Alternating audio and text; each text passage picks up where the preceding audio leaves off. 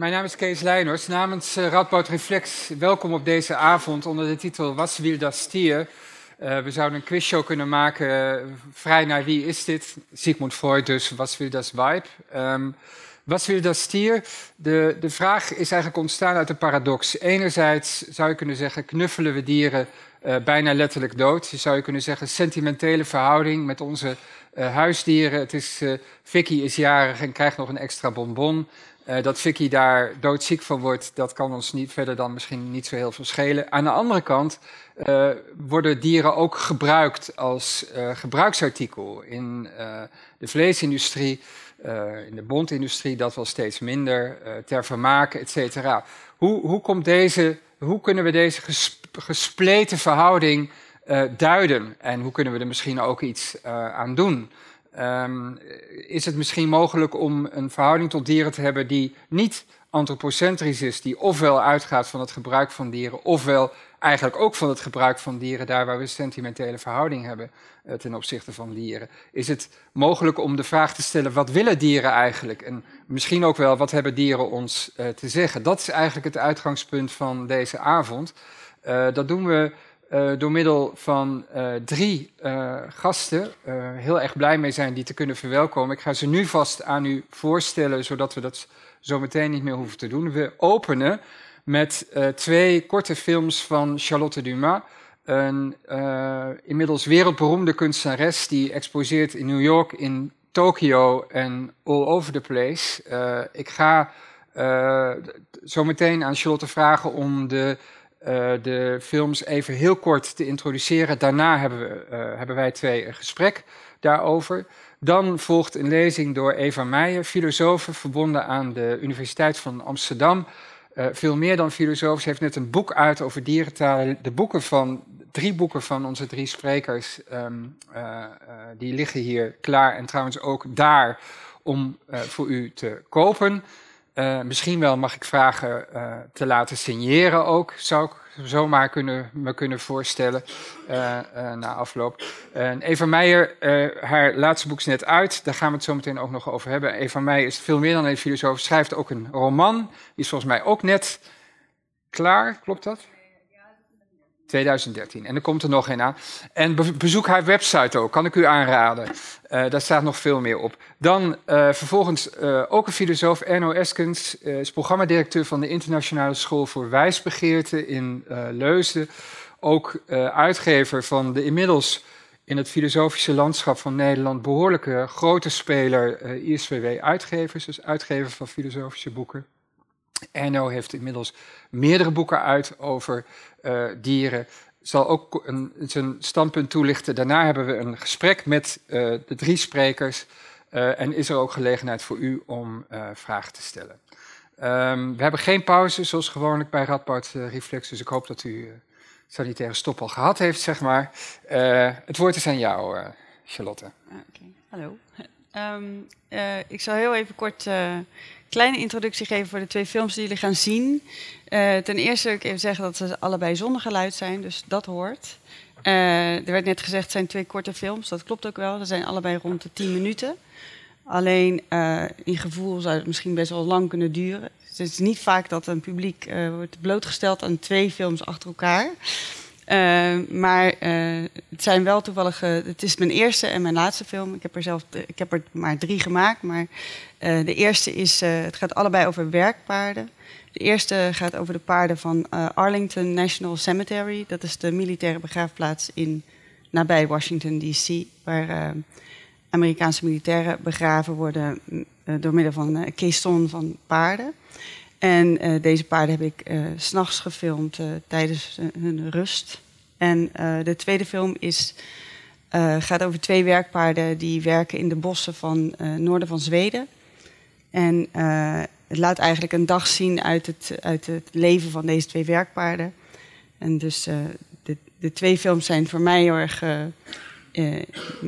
eigenlijk hetzelfde, maar ook in contrast met elkaar. De eerste gaat heel erg over eh, in rust zijn. En de tweede gaat heel erg over de actie van het werken. Nou, meer ga ik even niet over zeggen. Dan, daarna kunnen we er misschien verder over praten. Oké, okay. enjoy. Zo. Ja, zo uh, beginnen we niet vaak met 20 minuten stilte en beelden. Um, veel contrast. De nacht van de paarden in Arlington, de dag in uh, Zweden, de rust en de activiteit van paarden, paarden alleen in Arlington, samen vooral in, in, in Zweden. Kun je Kun je, we gaan zo meteen ook nog over je huidige project uh, hebben in, uh, in Japan. Maar voordat we dat doen, kun je iets zeggen over wat je beweegt om uh, deze beelden te maken, deze films. Maar je maakt nog veel meer eigenlijk portretfotografen van dieren. Dit is een voorbeeld. dit is een van de rescue dogs van 9-11. Ehm, dus die hebben geholpen bij het bergen van de slachtoffers en nu in, uh, met pensioen, zeg maar, is. Wat, wat, wat drijft je om, om dat zo te doen? Kun je daar iets over vertellen? Um, nou, om even bij de film te blijven. Um, de, de, honden van 9-11 zijn dus op een bepaalde manier horen eigenlijk een beetje bij de paarden van Arlington. Waar, waar, de honden eigenlijk direct aanwezig waren na de aanslagen van 9-11 om een overlevende te zoeken. Uh, zijn de paarden van Arlington natuurlijk staan eigenlijk aan de andere eind van het spectrum. Er zijn, we hebben soldaten die zijn uh, omgekomen in de oorlog, die daarop volgden weer naar mhm. hun laatste rustplaats gebracht. Dus uiteindelijk zijn die twee dieren, uh, los van het feit dat het allebei de iconische dieren zijn die dichtst bij een mens staan, hond en paard, ook uh, de dieren die soort van verbonden zijn met die gebeurtenissen van 9-11 in dat, in dat geval. Uh, en eigenlijk een soort van de dierlijke getuigen van, van die events. Uh, in het geval van de, de paarden van Arlington ben ik eigenlijk, uh, was ik, mijn doel was eigenlijk om portretten te maken. Um, dat was toen destijds voor een tentoonstelling in de Corcoran Gallery of Art in Washington. Um, en ik heb daar heel veel nachten doorgebracht en uiteindelijk ja, zag ik steeds hoe die paarden dan een beetje in slaap dommelden en vielen. En dat was eigenlijk wel heel mooi. Uh, ja, ik vond het wel een heel mooi, soort van intiem moment. Een soort van totale overgave en een soort van superlatief van, um, van kwetsbaarheid. Mm Dus een dier, een liggend paard is al heel erg kwetsbaar, omdat het niet direct kan vluchten. Maar een liggend paard dat ook nog eens zijn, zijn bewustzijn verliest, is bijna een soort. Uh, ja, voelde voor mij bijna een soort bovennatuurlijke ervaring. Um, waardoor ik op een gegeven moment dacht, nou ja, ik was eigenlijk uiteindelijk helemaal geen foto's meer aan het maken ik was eigenlijk daar gewoon een beetje aan het kijken. En dacht ik, nou, laat ik het maar filmen. Mhm. En ehm, pas, pas maanden later heb ik daar eh, bedacht van... misschien moet ik kijken of ik iets mee kan doen. Mhm. En zo is eigenlijk de eerste film ontstaan. En um, daarop verder ben ik, heb ik toen een film gemaakt over wilde paarden in Nevada... die eigenlijk van dezelfde soort opbouw was. En uh, de, de, de, tweede film is eigenlijk weer een, een, vervolg daarop... waarin ik ook mezelf niet wilde herhalen... maar uh, juist ook wilde kijken of ik de actie kon laten zien van wat die paarden dus wel doen overdag. Want eigenlijk ben ik, vind ik mezelf altijd uh, in de positie dat ik een portret maak uh, in, van een dier in rust. Dus juist voor of na een actie. en um, waarbij, je, ja, waarbij de nadruk eigenlijk ligt op het portret. Mhm. Over portret gesproken.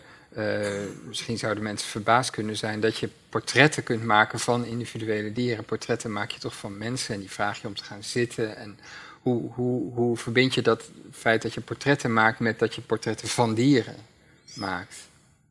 Nou ja, ik vind wel dat dat kan. Ja. En uh, uh, het, is natuurlijk uh, het is een heel, het is niet, geen makkelijk onderwerp, want het is natuurlijk, ze worden overladen met beeld van dieren en, en plaatjes van dieren. bovendien zijn we ook nog eens heel erg geconditioneerd om fotografie en beeld, de beeldcultuur, om alles tot ons te nemen. Dus uh, wat onderscheidt het een van het ander? Mm. En uiteindelijk is dat toch altijd de context. Uh, en dus je kunt ook nog, uh, ik kan zelf ook een van mijn eigen beelden isoleren, zoals dit beeld. En dan op zichzelf is dat dan eigenlijk toch nog niks. Mm -hmm. En het wordt eigenlijk pas wat in de context van de, de hele serie en van het boek mm -hmm. wat daarbij hoort. -hmm. Waarbij dus duidelijk wordt dat het die honden zijn tien jaar later van 9-11. En met elkaar vormen die weer een groep. Dus ik ben eigenlijk altijd bezig om me om wel een serie op te bouwen. Dus niet, uh, niet alleen geïsoleerde portretten te maken. Mm -hmm. En hoe, hoe is het met de, want dat, daarmee krijgt het een extra betekenis, een extra uh, lading. Is dat iets wat je ook als zodanig ervaart? Of, of heb je, komt het idee bij je en dan ga je die betekenis zoeken of, of construeren? Hoe, hoe, hoe, hoe gaat dat? Vind je dat of bedenk je dat? Of hoe, ja, hoe gaat dat? Nou, eigenlijk, ik bedenk het eigenlijk. Uh, er zijn altijd dingen in mijn hoofd die blijven hangen. Dingen die ik heb gezien, zoals in het geval van de honden van 9-11. Uh, uh, ik was bezig met een project in Italië en dat, dat was op, op uitnodiging. En daarvoor was ik, fotografeerde ik onder andere reddingshonden die in het, bij de zee werken. En een van die honden was hoogbejaard. Die was al 16, die ging bijna met pensioen. En daardoor werd bij mij weer iets aangeboord. Dacht ik weer, moest ik weer denken aan die foto's van uh, vlak na uh, 9-11. Dat de kranten stonden toen vol met al die foto's van uh, die honden die aan het werk waren op de puinhopen van het WTC. Mm.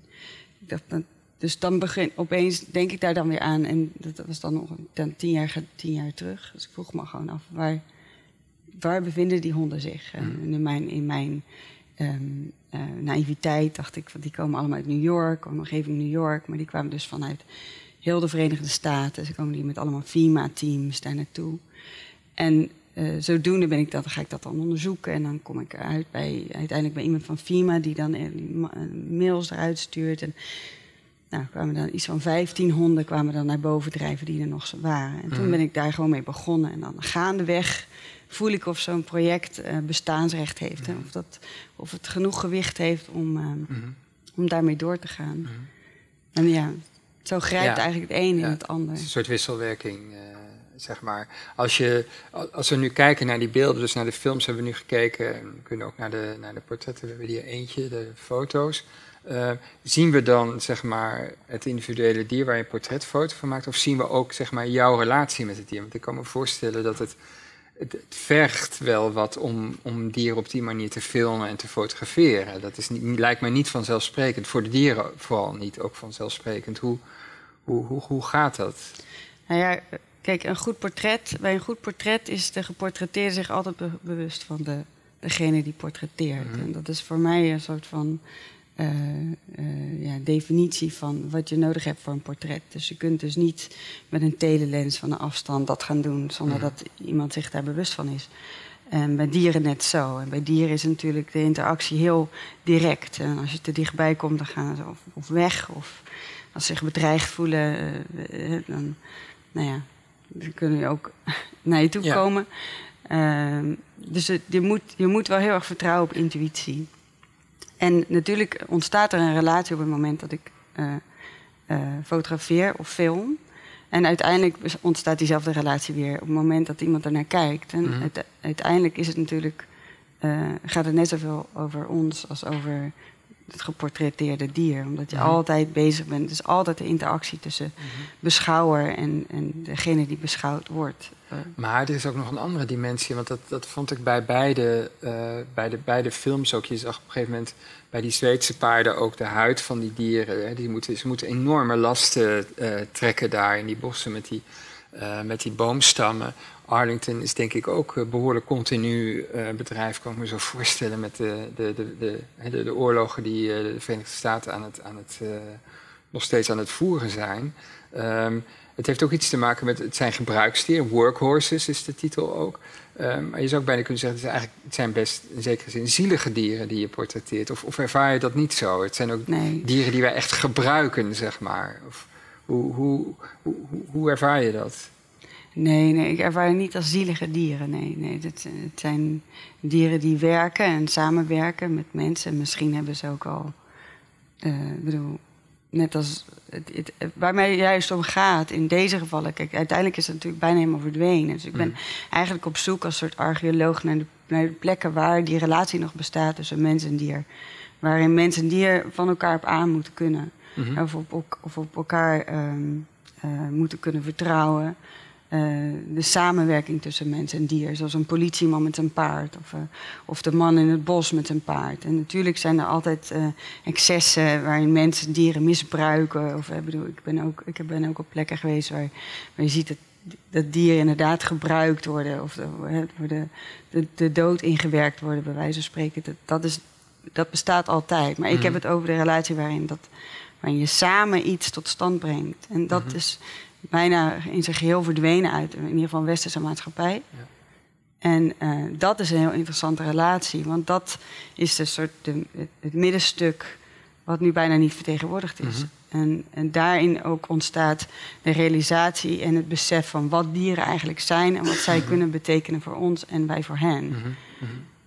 Ja, in die zin heb ik ook, dat is de andere kant van. Ik vind ze ook niet zielig hoor, maar ik, ik kan me voorstellen dat je, dat bij je opkomt als je, als je kijkt en naar die huid kijkt. Maar ik had ook een heel ander gevoel. Het is, als ik naar jouw films kijk, het is ook bijna een soort Paradise Lost of zo. Het is, het is ook iets van, wat je zegt van een tijd, dit bestaat bijna niet meer. Het is allemaal machinaal geworden. Of, of eh, we hebben dat soort relaties eigenlijk eh, helemaal niet meer. Is het ook een soort verlangen naar een soort heelheid die, die, eigenlijk, die we eigenlijk kwijt zijn geraakt? Is dat, is dat ook iets wat erbij zit, wat je, wat je daarbij voelt, zeg maar?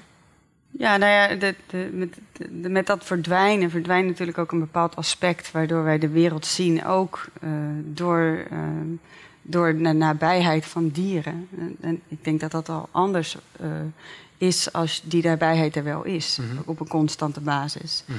En nou, ik denk ook dat de, dat de nabijheid, ook met kinderen en dieren, het geldt een beetje voor het allebei, dat dat dat ook wel een groot effect heeft op, op ons eh, empathisch vermogen bijvoorbeeld. Mhm. Dus hoe we, hoe we ons kunnen inleven in anderen. Dus niet alleen, al- hè, als je dat kunt met dieren, dan kun je dat ook met iemand van je eigen soort. En dat het zich op een misschien wat meer filosofisch niveau, voor mij dan, eh, ook resulteert in dat je dus eigenlijk als wij als soort, als mens, heel geïsoleerd overblijven op die manier. Mhm. Want er zijn natuurlijk nog een hele scala aan levende andere wezens op de planeet waar we helemaal van afgezonderd zijn nu. Mhm.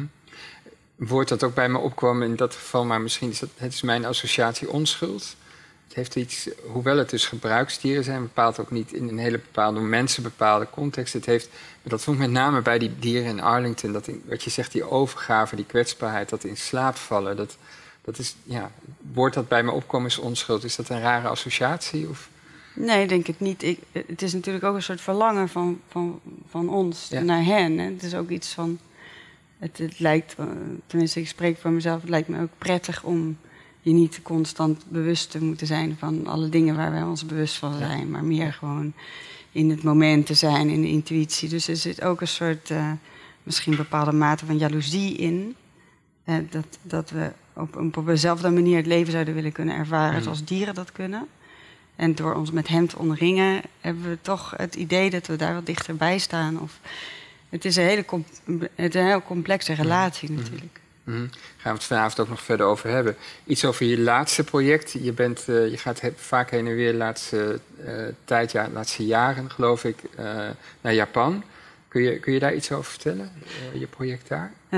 Ja, nou, in- heel kort dus. eh, dat is dus uiteindelijk gekomen weer door de paarden uit Arlington. Ja. En een van die paarden in Arlington die had dus al een, een eerder beroep. En dat, dat was dus eh, bos, in, in de bossen. Eh, en, en door dat paard ben ik toen gaan onderzoeken. Oh, dat is dus nog een beroep waar die paarden. En dat is eigenlijk een beroep wat weer een soort van in, in swing is Mhm, aan het komen. mhm, Ja, mhm. juist door nu dat nu heel veel mensen op een meer ehm, milieuvriendelijke manier gaan werken in de bosbouw en, de, en natuurbeheer. Het is heel erg in, in opkomst. Toen heb ik een, een horselogger, zo heet zo iemand, eh, ontmoet in Engeland. En die, eh, via hem kwam ik uiteindelijk in Japan terecht. En daar, mijn contact daar vertelde mij dus over, de, over specifiek ras in Japan uit Nagano, wat dus met name gebruikt werd voor ook, eh, om te werken in het Mhm. bos. En op die manier ben ik achtergekomen dat dus in Japan nog acht paardenrassen over zijn, waarvan er eigenlijk zeven als soort levend monument. En dus eigenlijk ook bijna op sterven na dood allemaal. En eh, behalve één. En dat heeft met name heeft niet zozeer alleen te maken met het feit dat dus eh, met de industrialisatie en, en, en de- al die praktische zaken, maar ook juist eh, door eh, het ingrijpen van de Japanse eh, heersende macht op dat moment zelf. Ehm, en nou, dat, is, dat is verder, Mhm. er zit heel veel eh, verhaal achter. Maar dus ik ben nu begonnen sinds vorig jaar om dus die, die acht overgebleven rassen te fotograferen. En dat is natuurlijk, klinkt heel erg als een soort catalogisering van die acht rassen. En uiteindelijk, dat is niet mijn, eh, mijn doel. Maar omdat die, uh, die rassen heel specifiek uh, per locatie uh, zijn toebedeeld, toebedeeld, hoe noem je dat? Dat ze daar tot bij de locatie horen, dat um, um, is het een soort sleutel ook om natuurlijk een soort te infiltreren in, infiltreren in die cultuur van Japan en de historie en de relatie met hen tot, tot die dieren. Mm -hmm. En nou, dat is een project dat is daar waar ik nu nog mee bezig ben. Mhm. En de eerste deel was daarvan onlangs te zien in Museum de Pont. Ja. En uh, nou ja, ik ga daar de komende tijd. Uh, en daar komt een tweede film nu, nu aan? Of? Ik, ben, eh? nou, ik ben bezig met een film in Japan, mm in het noorden van Japan, over, dus de een, mhm. over het ene, de ene soort die nog wel een toekomst heeft, zeg maar. En die wordt nu ook heel erg een beetje als uh, gemodelleerd naar het Friese paard en het ja, paard, om dat als soort nationaal paard te maken van Japan. Um, dus uh, ja, daar ben ik nu mee bezig. Nou, als hij uitkomt, ga kijken, want die eerste film in, Tilburg vond ik fantastisch. Erg, erg mooi ook. Um, we geven, we, we bespreken elkaar zo meteen nader. Uh, het woord is nu aan, aan Eva, vervolgens aan Erno en dan een gesprek met jullie allemaal. Daar gaan we even okay, zitten. thanks. Eva. Prairiehonden leven in tunnels onder de grond met verschillende kamers om in te slapen, om kinderen te krijgen of naar de wc te gaan. Hun territorium is niet groot, ze blijven altijd in dezelfde buurt, eigenlijk vergelijkbaar met mensen die hun hele leven in het dorp blijven waar ze geboren zijn. Daarom zijn prairiehonden een makkelijke prooi voor een aantal roofdieren. Het is duidelijk waar ze zitten en ze komen altijd vanzelf naar boven om eten te zoeken. Prairiehonden hebben daarom een groot aantal heel geavanceerde alarmroepen. Die klinken als het gekwetter van vogels. Als je veel van dit gekwetter na elkaar, na elkaar hoort, klinkt het als een blaf in de verte. En zo zijn de prairiehonden aan hun naam gekomen, want het zijn dus geen honden, maar eekhoorns. Onder de grond kwetteren de prairiehonden weinig en maken ze eigenlijk vooral gebruik van smaak om met elkaar te communiceren. Als een prairiehond een andere prairiehond tegenkomt, begroeten ze elkaar met een tongzoen. Zo herkennen ze of de ander familie, vriend of vijand is. En boven de grond doen ze dat soms ook, waarna ze soms in schrik wegspringen, alsof het een heel vieze zoen was. De prairiehonden hebben verschillende geluiden voor verschillende indringers. Ze geven daarbij aan of het gaat om een indringer uit de lucht of op de grond. Beide vragen om een andere manier van reageren, dus het is nuttig om dat in een roep uh, die informatie te verwerken. Maar daar blijft het niet bij. Ze beschrijven de indringer in detail. Bij mensen noemen ze dat het om een mens gaat, hoe groot de mens is, de kleuren van de kledingstukken die de mens draagt, of ze een paraplu of een pistool bij zich hebben. Uh, bij honden geven ze naast het formaat, de kleur en de vorm aan hoe snel een hond naderbij komt. Verschillende onderdelen van de roep geven een andere betekenis uh, naarmate de volgorde verandert, uh, wat vergelijkbaar is met een simpele grammatica. Ze gebruiken werkwoorden, zelfstandig naamwoorden en bijwoorden in betekenisvolle samenstellingen. Daarmee maken ze ook nieuwe combinaties, zoals ovaal onbekend roofdier. In een onderzoek van Kon Slobodchikov, die jarenlang de taal van uh, prairiehonden onderzocht en hem uh, stapje voor stapje ontcijferde. Hij beschrijft ook een geluid dat een ondersoort maakt, de jumpjip uh, genaamd, waarbij ze enthousiast naar achteren springen en elkaar aansteken. Dat is een soort wave. Ze doen het bijvoorbeeld wanneer een, slang, uh, wanneer een slang een andere kant op gaat. En soms zijn ze zo enthousiast dat ze achterover vallen. Dus ze doen zo, jip, en dan gaan ze zo uh, achteruit. En dan allemaal naar elkaar als het roofdier weggegaan is. Prairiehonden zijn niet de enige dieren die op veel complexere manieren met elkaar communiceren dan wij dachten. Grijze roodstaart papegaai Alex kende meer dan 100 woorden. Hij kon daarmee onder andere laten zien dat hij objecten kon tellen en ze kon indelen in categorieën. Ook maakte hij grapjes en gebruikte hij woorden om het gedrag van de mensen om, om hem heen eh, te beïnvloeden. Border Collie Chaser leerde de namen van meer dan duizend speeltjes en begrijpt grammatica. In het wild levende dolfijnen noemen elkaar bij hun naam. En papegaaien ook trouwens. Uh, olifanten in gevangenschap spreken in menselijke woorden. Wilde olifanten hebben een woord voor mens, dat gevaar betekent. De talen van walvissen, inktvissen, bijen en talloze vogels hebben een grammatica. De mantisgarnaal communiceert met kleuren en heeft twaalf kleurkanalen waar de mens er slechts drie heeft. Honden kunnen in tegenstelling tot hun wilde neef, de wolf, gebaren van mensen begrijpen en emoties van het gezicht van mensen lezen. Penseelaapjes laten elkaar uitpraten en leren dat ook aan hun kinderen. Aandacht voor taal en communicatie van niet-menselijke dieren is er al sinds de oudheid. Het vakgebied etologie, dat gedrag en daarmee dus ook communicatie van dieren structureel bestudeert, kwam rond 1950 goed op gang. Een taal is met name de laatste jaren in de belangstelling komen te staan. Recent onderzoek laat zien dat dieren complexer met elkaar communiceren dan we eerder dachten. Over wat de betekenis is van dat soort onderzoek voor dieren en voor taal is nog weinig geschreven. En dat is jammer, want het roept allerlei filosofische vragen op. Over wat taal precies is, over onze omgang met andere dieren en over het beeld dat we hadden van de mens als uniek wezen. Taal speelt een belangrijke rol in hoe we over mensen denken. Veel filosofen in de westerse traditie beschouwen de menselijke taal als uniek en sommigen denken zelfs dat taal is wat ons tot mens maakt. Voor Aristoteles was beheersing van taal nodig om een onderscheid te kunnen maken tussen goed en slecht. Volgens Descartes konden we uit het feit dat dieren niet spreken afleiden dat ze niet kunnen denken. Verlichtingsfilosoof Kant concludeerde dat dieren geen reden hadden en daarom buiten de morele gemeenschap vielen. Voor fenomenoloog Heidegger was taal zo belangrijk voor hoe we in de wereld zijn, dat degenen die geen taal hebben niet kunnen sterven, die verdwijnen simpelweg. Deze filosofen definieerden taal als mensentaal en sloten andere dieren zo op voorhand uit. Taal werd verbonden met het denken zelf en gezien als een uiting van de reden. In de huidige menselijke maatschappij en politiek spelen deze vragen nog steeds. Omdat dieren niet in mensentaal spreken, denken mensen dat ze niet politiek kunnen handelen, wat gevolgen heeft voor hun positie in het politieke systeem en het rechtssysteem. Als we dieren niet verstaan, wordt vaak aangenomen dat hun communicatie niet betekenisvol is. En wanneer ze ons niet verstaan, wordt gedacht dat ze dom zijn. Het lijkt misschien logisch dat dieren geen rechten hebben of niet gehoord worden door mensen, omdat de mensenmaatschappij op mensen gericht is. Het probleem is alleen dat mensen de levens van veel andere dieren in grote mate bepalen. Gedomesticeerde dieren leven bij mensen en hebben vaak weinig vrijheid om keuzes te maken of zich te ontwikkelen. Maar ook wilde dieren hebben te maken met menselijke invloed, bijvoorbeeld omdat mensen hun leefgebied innemen of vervuilen. Hoe we over dieren denken is natuurlijk verbonden met hoe we ze behandelen. Neem het voorbeeld van Descartes, die dacht dat dieren geen ziel hadden. Dat leidde hij af uit het feit dat ze geen verstand hadden, wat hij weer afleidde uit het feit dat ze niet spreken. Zelfs doofstommen, schrijft hij, kunnen zich nog op de een of andere manier in mensentaal uitdrukken.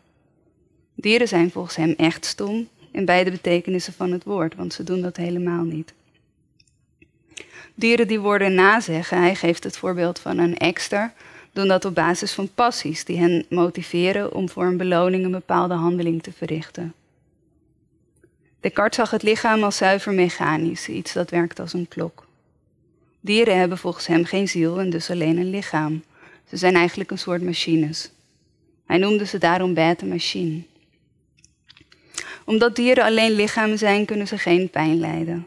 Ze schreeuwen misschien als iemand een mes in ze steekt, maar dat is geen uiting van pijn. Dat is een zuiver mechanische reactie.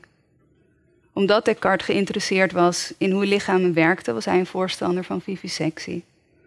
Hij stond daarmee aan de wieg van de dierproeven die nog steeds plaatsvinden. Denken over taal is dus ook een politiek project. Wanneer je in taal schrijft over taal of in taal denkt over taal, ben je altijd al onder invloed van die taal. Dat maakt het bestuderen van taal ingewikkeld. Wittgenstein vergelijkt het met het repareren van een spinnenweb met je vingers. Taal kan ons ook misleiden.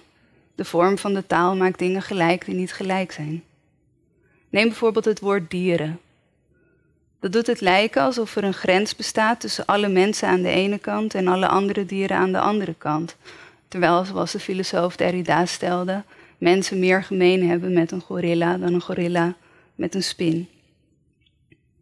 De oude Egyptenaren hadden nog geen verzamelnaam voor alle dieren behalve de mens, wel voor verschillende soorten.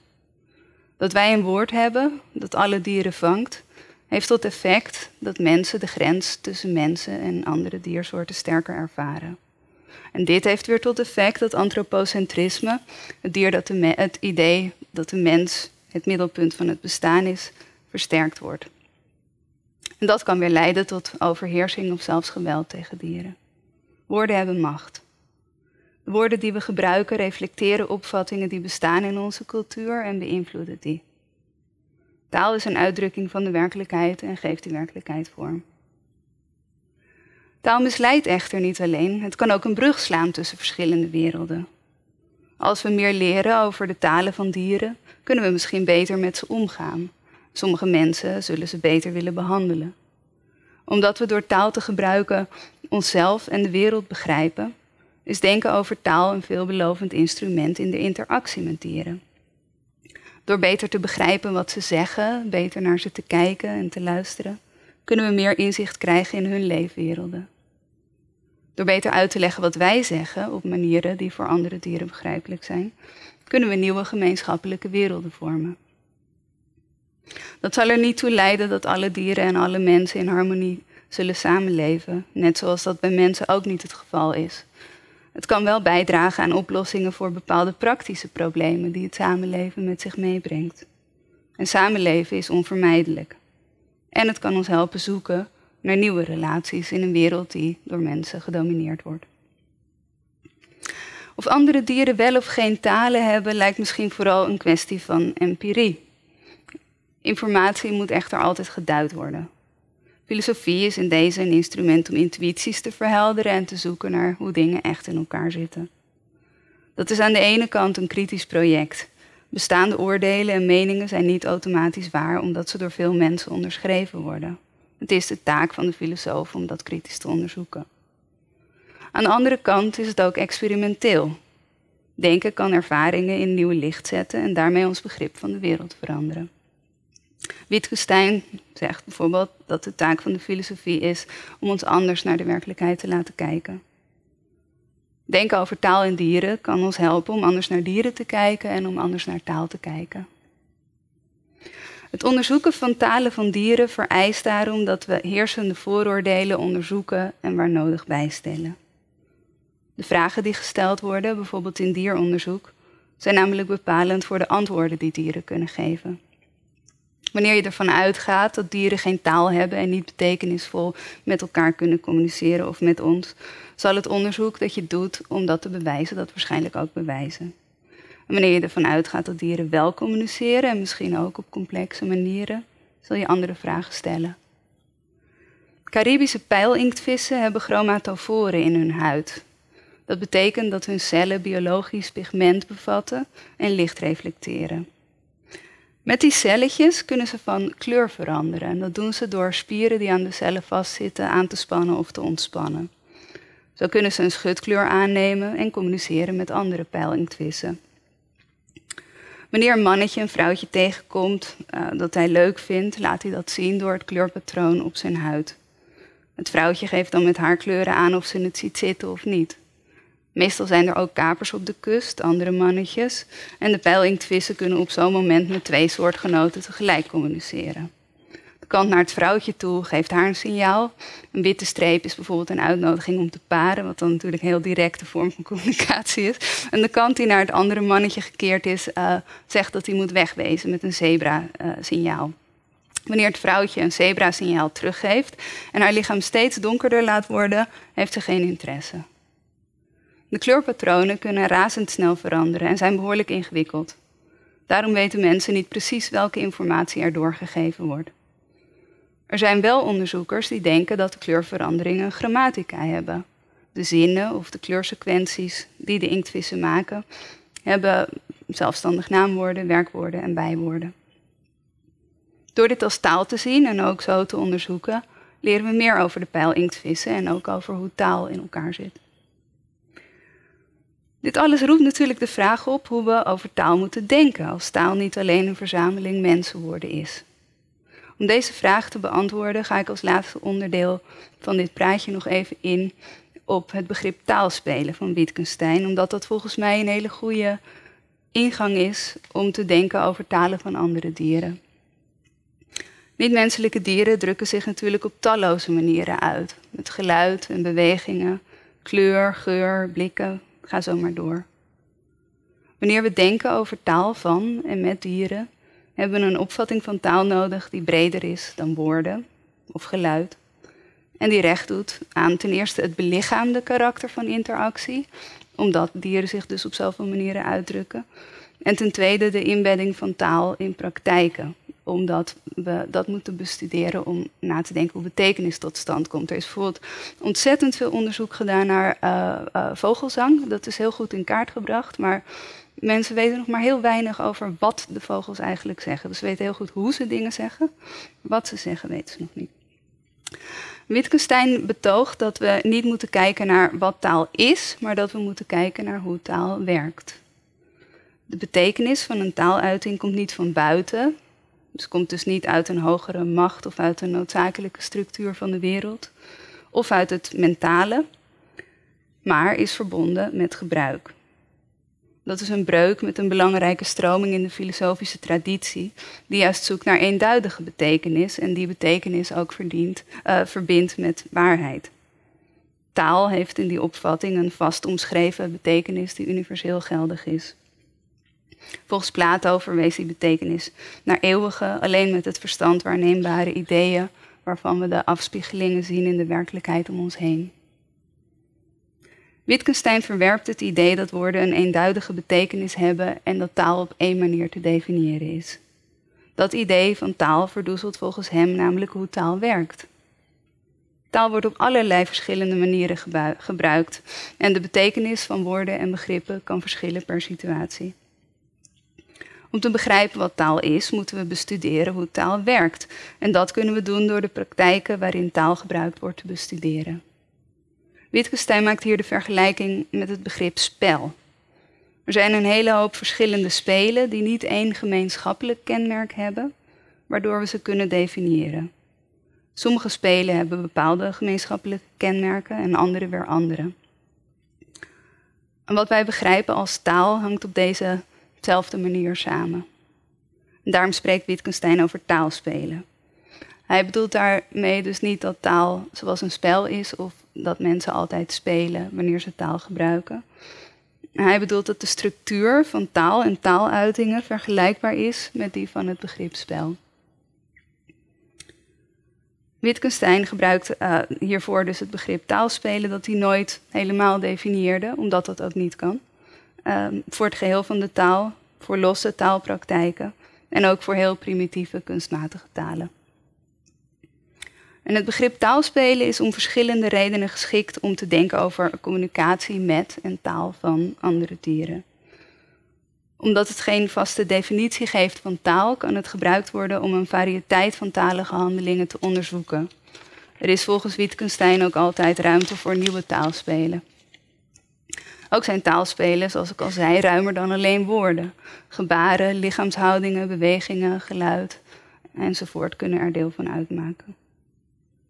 Betekenis hangt hierin nauw samen met gebruik.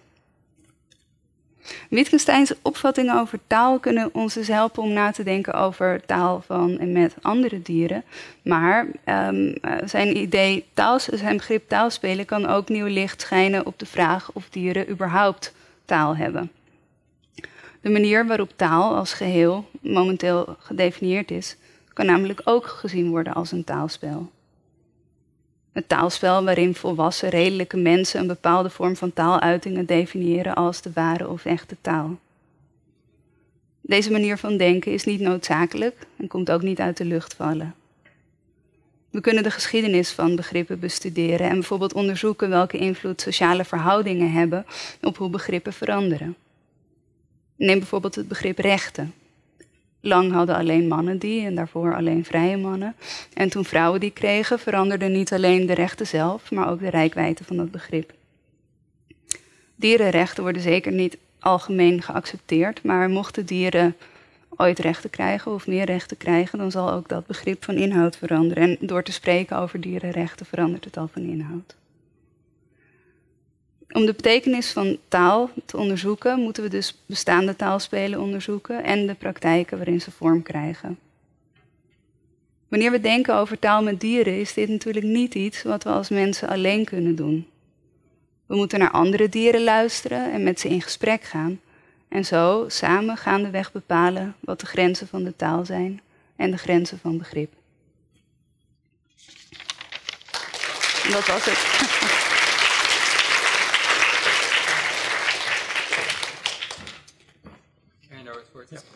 Ja, um, wat wil het dier?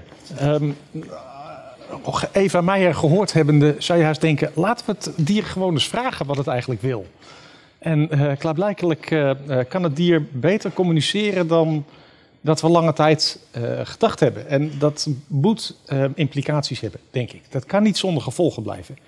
Je kunt niet aan de ene kant onder een dier onderzoeken en ontdekken dat het van alles aan het duidelijk maken is naar soortgenoten.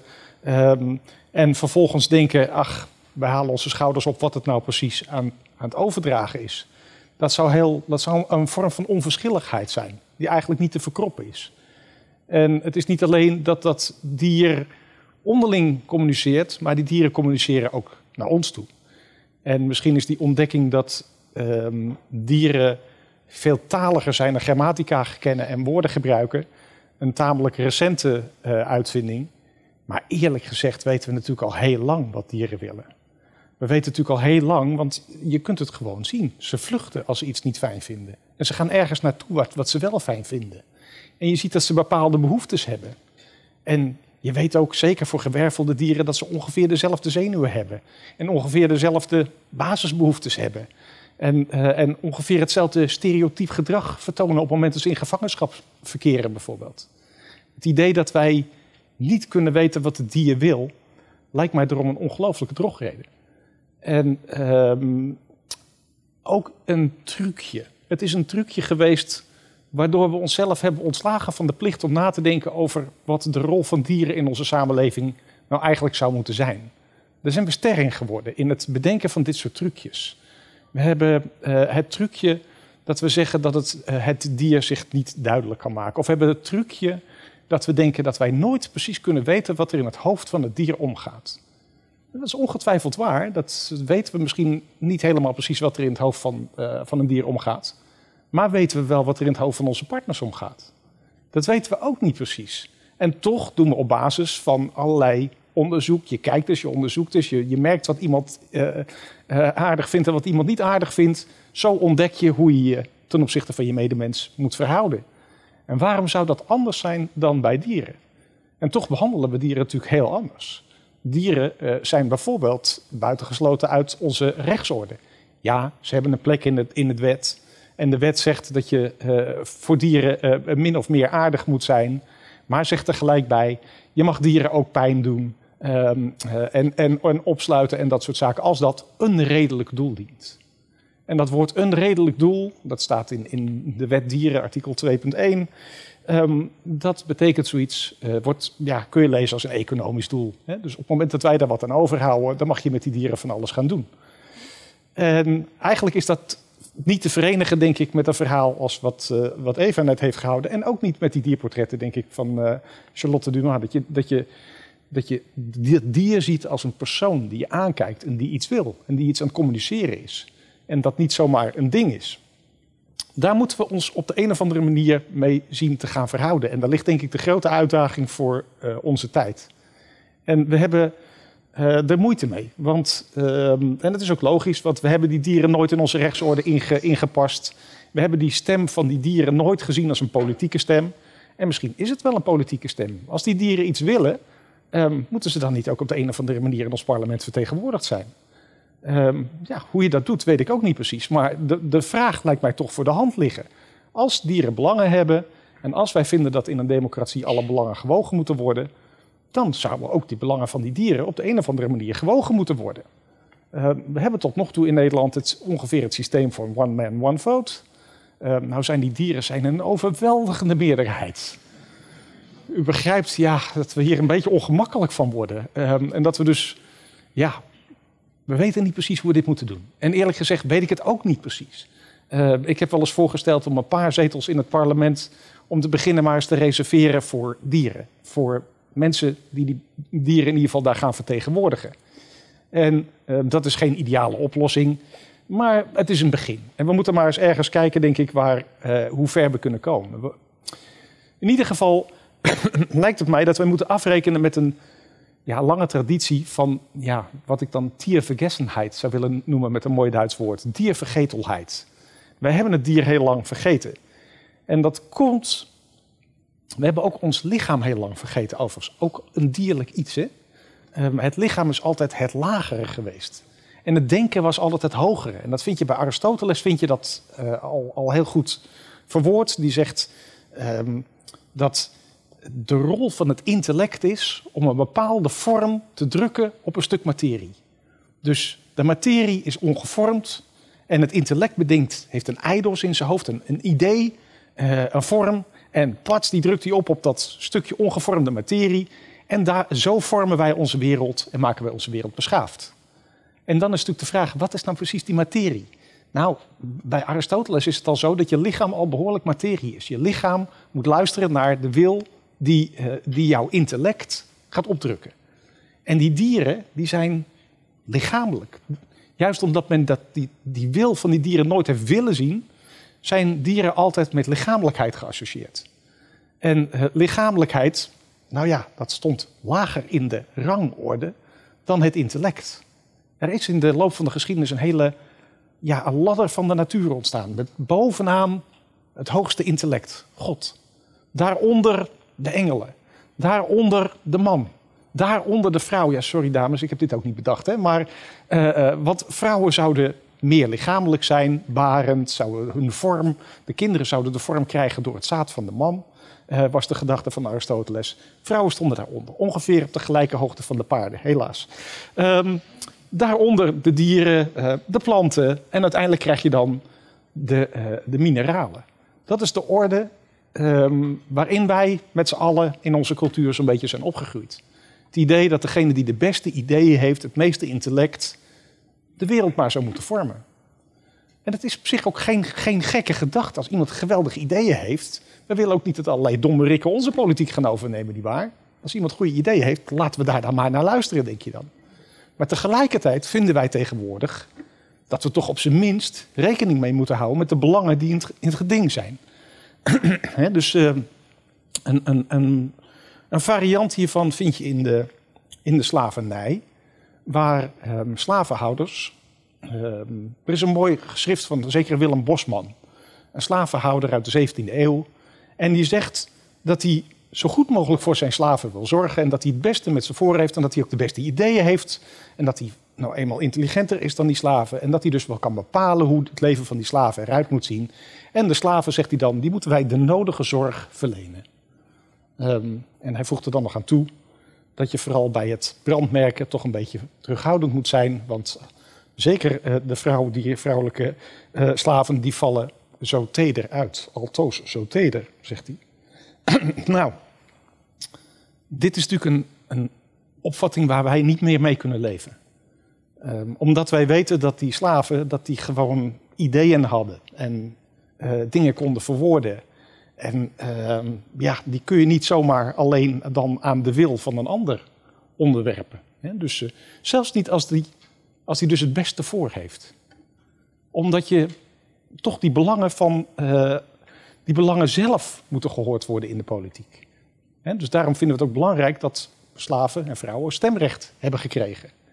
En de vraag is, moet dat niet ook op de een of andere manier voor dieren gaan gelden? Moeten we niet af van het idee dat wij kunnen bepalen hoe die dieren, ehm, ja, hoe die dieren behandeld moeten worden? En dat doen we nu nog eigenlijk niet. We hebben nu de opvatting dat wij humaan met dieren moeten omgaan. Maar alleen het woord verraadt het natuurlijk al, wat hier het schema is. Het schema is, wij, mensen, humaan, hè, wij bepalen de omgangsvormen. Wij verlenen dan wel de nodige zorg aan de dieren. Zoals die slavenhouder voorheen de nodige zorg aan die slaven verleende. En dat schema dat wringt. Dat schema dat wringt. En waarom wringt dat schema? Ehm, nou, omdat eigenlijk kun je drie vragen, denk ik, stellen. Ehm, kijk, wij, wij, zijn, wij zijn overgegaan van het idee dat het intellect alles moet bepalen naar jongens, rustig gaan met die koningen en die heersers en die theologen die alles denken te weten en die religieuze leiders, et cetera. Wij willen het zelf wel eens even zeggen. Wij, wij, wij kunnen zelf onze eigen belangen wel verwoorden. Dat is een beetje de gedachte. Dus we zijn overgegaan van een intellectdemocratie, zou je kunnen zeggen, zoals Aristoteles die voorstond, naar een belangendemocratie. Waarbij het niet gaat om of je de slimste bent. Nee, het gaat er gewoon om of je bepaalde belangen hebt. En die belangen moeten op de een of andere manier in die politiek verdisconteerd worden. Nou, als je kijkt naar belangen, dan um, zou je uh, drie fundamentele vragen kunnen stellen. En de eerste vraag luidt: um, Vind je dat in een democratie alle belangen gewogen moeten worden? Of vind je dat je een deel van de belangen gewoon hups terzijde kunt schuiven? Vind je bijvoorbeeld dat je de belangen van, van vrouwen, of van donkere mensen, of van homo's, of weet ik wat, dat je die gewoon hups terzijde mag schuiven? Nou, de meeste van ons zullen zeggen: nee, dat vinden wij niet. We vinden dat alle belangen gewogen moeten worden. En dan is de vraag: geldt dat dan niet ook voor die belangen van die dieren? Um, kijk, als je belangen van vrouwen opzij schuift, dan uh, is dat seksisme of zo. Hè? En als je de belangen van donkere mensen opzij schuift, is dat racisme. En als je de belangen van een soort opzij schuift, diersoorten, zou je dat soortisme kunnen noemen. Um, de term is van Richard Ryder. Um, speciesism heet dat zo mooi in het Engels. Ik denk dat daar wat in zit. Dat dat een vorm van uh, discriminatie is die eigenlijk niet toelaatbaar is. Alle belangen horen in een democratie gewogen te worden. Hoe je dat precies doet, kun je over twijfelen, maar je moet in ieder geval je best doen. Um, de tweede vraag is natuurlijk, hebben dieren eigenlijk belangen? Hè? Nou ja, het lijkt mij tamelijk evident dat dieren belangen hebben. Je ziet ze lijden, je ziet dat ze honger hebben, je ziet dat ze ergens naartoe willen. Je ziet dat ze bepaalde verlangens hebben, of het nou een verlangen naar eten is, of naar uh, een partner, of naar uh, uh, lekker eens even de benen te strekken. Of, het kan van alles en nog wat zijn, maar je ziet dat ze verlangens en wensen en dus belangen hebben. Het is, het is er niet om het even. Nou ja, en dan is de derde vraag: vind je dat als je in een democratie de belangen gaat wegen, um, en uh, en je vindt dat dieren belangen hebben, um, gaan we ze dan op één weegschaal leggen? Um, en gaan we dan halverwege aan dat knopje van die weegschaal draaien? Een beetje vals spelen. Dat we zeggen, nou, die belangen van die dieren, draai het knopje even naar links. Dan vallen die belangen minder zwaar uit. Dat is denk ik een beetje wat we doen. We zijn de hele tijd aan die, aan die knop van die weegschaal aan het draaien. Zonder te kijken wanneer die belangen ongeveer hetzelfde zijn. En ik denk bijvoorbeeld als het gaat om iets elementairs als de wens om geen pijn te lijden, um, denk ik dat het verschil tussen mens en dier niet zo heel erg groot is op dat punt. Misschien tussen de eencellige, et cetera, uh, zal het verschil wel groot zijn, maar laten we even de gewervelde dieren nemen. Um, dan lijkt me toch dat, daar, dat die belangen wel ongeveer vergelijkbaar zijn. En als ze vergelijkbaar zijn, zou dan niet dat grondbeginsel van onze grondwet moeten gelden? Gelijke gevallen worden gelijk behandeld. Dat is het uitgangspunt van onze grondwet. Is het niet, met andere woorden, de manier waarop wij nu met dieren omgaan, gewoon in strijd met de grondwet?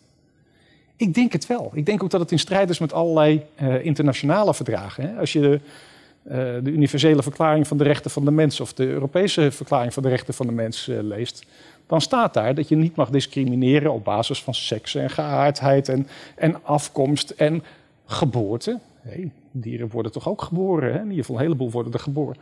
En dan voegen ze nog aan toe, of wat dan ook. Nou ja, discriminatie op basis van een categorie als mens of dier is daarmee eigenlijk niet te verenigen. Dus uh, uh, weliswaar heet het dan de verklaring van de rechten van de mens. En zo komen we ermee weg uh, om, het, om het vol te houden. Maar het wringt toch op zijn minst. En eigenlijk zouden we daar toch een andere oplossing voor moeten verzinnen. Hoe dan? Is dan de vraag. Um, en dat is een moeilijke vraag. En dat is een vraag waar een heleboel uh, filosofen op dit moment zich over buigen. Um, en ik denk niet dat we er heel snel uit gaan komen. Um, maar dat neemt niet weg dat we wel de goede kant op moeten. Kijk, wat, wat er nu in de praktijk gebeurt, is, uh, en dat zie je Um, nou, je hoeft de televisie maar aan te zetten of je ziet een vertegenwoordiger van de, van de dierenorganisaties die heel erg hard zijn best doet om iets voor de dieren te betekenen. Uh, laten we de kip nemen. Uh, de kip heeft meer ruimte nodig. Uh, de kip moet gevrijwaard worden van, van TL-balken, want dat is hoogfrequent licht, daar kunnen ze niet tegen. Uh, nou, dan wordt de stal iets aangepast. Dan krijgt de kip geen TL-balk en dan krijgt hij een paar centimeter meer. En twee dagen later staan dezelfde dierenactivisten weer opnieuw op de stoep van die kippenhouders. Want die kip heeft nog steeds niet echt een goed leven. En, en dan begint het hele spel van vooraf aan. Zo lossen wij nu de dierenkwestie op. Dus we, zijn het, we zoeken een een of ander compromisje, wetend dat daarmee het hele spel van vooraf aan begint. Omdat het blijft wringen. Omdat we het geen fundamentele oplossing verzinnen. En de vraag is natuurlijk, kunnen we nou niet een echte fundamentele oplossing verzinnen... dat we het in ene goed regelen voor die kip? En, en, en hoe, zou dat dan, hoe, hoe zou dat dan moeten? Dat is denk ik de uitdaging waar we voor staan. Maar het idee dat wij steeds maar een klein stapje gaan zetten... en dat um, ja, dat we die belangen iets meer vertegenwoordigen van dat dier. En dat dat als het ware een gift is van ons, humane wezens, die ons best doen voor de dieren. Um, dat lijkt mij in, in strijd met het wezen van, um, van het recht. Een recht is namelijk een recht. Een recht is geen gift. Dus als er zoiets bestaat als dierenrechten, dan hebben ze daar recht op. En dan is dat ook niet een gift van, ach, laten we dat dier nog eens een een klein centimetertje meer geven of een, hè, of, of, of een stokje meer in de kooi of wat dan ook. Nee, dan moet je het eigenlijk gewoon in ene goed regelen. Je moet die, recht, die rechten uh, goed zien te, zien te regelen. Um, een paar dingen kun je heel makkelijk doen. Je kunt namelijk um, kijken of je het huidige recht een beetje kan oprekken. Je kunt bijvoorbeeld kijken naar de huidige mensenrechten en denken in hoeverre zijn die van toepassing op specifieke groepen dieren. Um, en dan kun je bijvoorbeeld zeggen, nou, um, het recht om niet gedwongen tot een vereniging te behoren. Um, zou dat niet ook voor de netsen gelden? De netsen zijn uh, solitaire wezens, die uh, worden knettergek als ze bij elkaar zitten. En toch stapelen we die allemaal op in van die kleine lullige kooitjes, waar ze elkaar nog eens onderscheiden ook. dat is eigenlijk in strijd met, met zo'n grondbeginsel van wat dan nu een mensenrecht heet, maar wat misschien wel een dierenrecht zou moeten worden of het, um, uh, nou, recht om niet gemarteld te worden. Waarom zouden we dat niet gewoon als een recht voor die dieren eens een keer gaan vastleggen? Dus een aantal basale rechten kunnen we denk ik wel met elkaar over eens worden. In de ideale wereld, en daar, daar eindig ik mee, gaan we het nog heel anders oplossen. In de ideale wereld, dan gaan we namelijk um, de dieren alle mogelijke rechten geven. En vervolgens gaan we kijken welke van die rechten die dieren niet kunnen dragen. Zoals we dat bij mensen ook doen. Dus je wordt als burger geboren in dit land. En op het moment dat jij crimineel bent, dan verlies jij je vrijheidsrecht. En op het moment dat jij dement bent, dan uh, verlies jij het recht om je eigen financiën te beheren. Rechten heb je dus bij aanvang en ze worden ontnomen op het moment dat je daar niet mee om kunt gaan. Dat je daarmee lastig bent. En rechten worden natuurlijk altijd ingeperkt door de rechten ook van anderen. Dus dat blijft ook altijd met dierenrechten. Als je dieren rechten geeft, is het geen heilige verklaring van het recht. Nee, dan moet toch altijd het recht van de mens tegen het recht van dieren tegen andere dieren, et cetera. Je krijgt allerlei afwegingen. Die, en dat gaat complex worden. Uh, maar fairness is, is, ons ook wat waard. Je kunt dus proberen om, om alle rechten je bij, aan, aan uh, dieren te geven. En laten we eens beginnen anders met gewervelde dieren als het complex is. Dan houden we het een beetje overzichtelijk. Um, het liefst ga ik nog wat verder, maar goed. En dan vervolgens gaan we kijken um, welke recht je die dieren gaat ontnemen. Het gevolg daarvan is namelijk dat je dan een besluit moet nemen welk recht een dier niet kan hebben. En dat, is, dat dwingt ons om een, om, om een actieve houding aan te gaan nemen ten opzichte van dat dier. Als wij dat niet doen, dan gaan we dat recht blijven beschouwen als een gift. En van, ach, laten we dat dier nog eens een rechtje geven en dat dier nog eens een rechtje. En dan blijft ook die polarisatie tussen dierenbeweging en uh, dierenhouders blijven bestaan.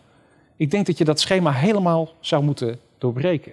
De basisgedachte is dan ook um, dat dieren gezien moeten worden als burgers. Um, ze moeten meetellen als wezens met een wil. En die wil die hoort ook gezien te worden als een politieke wil. Het dier, dames en heren, is een burger en geen hamburger.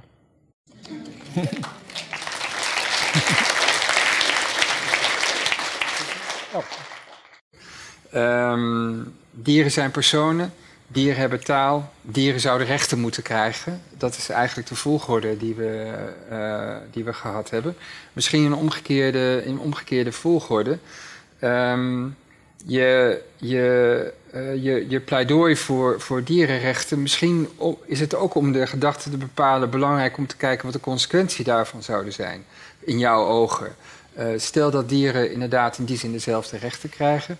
Dat is dus niet alleen een einde aan de bio-industrie, maar überhaupt aan uh, het eten van dieren. Klopt dat? Is dat je leidende gedachte ook? Ja, ik vind niet dat dieren dezelfde rechten moeten krijgen. Dus ik vind, denk dat je, dat je per dier zou moeten kijken welke rechten daar uh, van toepassing zijn. Hè? Dus de sidderaal moet beschermd worden tegen elektrische impulsen. Ik noem maar wat. Uh, daar of hebben, niet. Ja. ja. daar hebben wij niet zo last van ja. of zo. Hè? Dus de, de, de, of, of, of die kip tegen hoogfrequent licht. Dus je moet ook per diersoort kijken hoe je dat precies moet gaan uh, verwoorden. En um, eerlijk gezegd vind ik de vraag naar de uitkomst vind ik een beetje een tricky one. Mm -hmm. Want dat is namelijk ook een manier om de uitgang van het vraagstuk te zoeken. He, dus uh, het is vaak een manier om je ervan af te maken door te zeggen: we kunnen dit niet oplossen.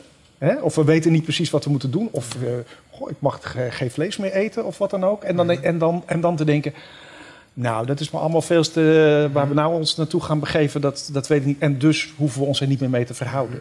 En dat, dat vind ik het, het, het risico van die vraag te stellen: van waar eindigt het? Ik denk de vraag is, welke weg moeten we gaan? En waar het eindigt, dat is vers 2.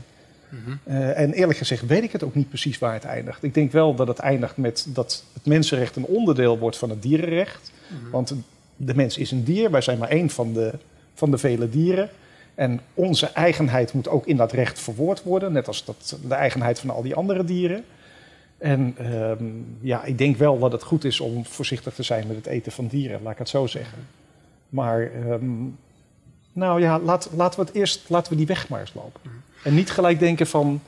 Hè, het, het, je gebruikt ook een argument dat, dat heel, heel vaak volgens mij al door Pieter Singer ook al gebruikt werd van hè, we hadden eerst uh, slavernij. Uh, we zagen in dat dat ook gelijkheid van iedereen moet rechten krijgen. Toen kwamen de vrouwenrechten en nu is de volgende stap. En dat is, dat is dierenrechten. Maar is dat argument gebruikt of die, die, dat denkmodel zeg maar, gebruikte jij ook maar veronderstel je dan niet al een antwoord op de vraag dat je op die manier aan het stellen bent? Namelijk ervan uitgaan dat dat, dat van dezelfde aarde is. Dat het geven van rechten aan uh, slaven en vrouwen precies, van precies dezelfde orde is als dan vervolgens aan dieren te geven. Is dat, is dat niet een, in die zin meer een retorisch argument dan dan een daadwerkelijk filosofisch of juridisch argument?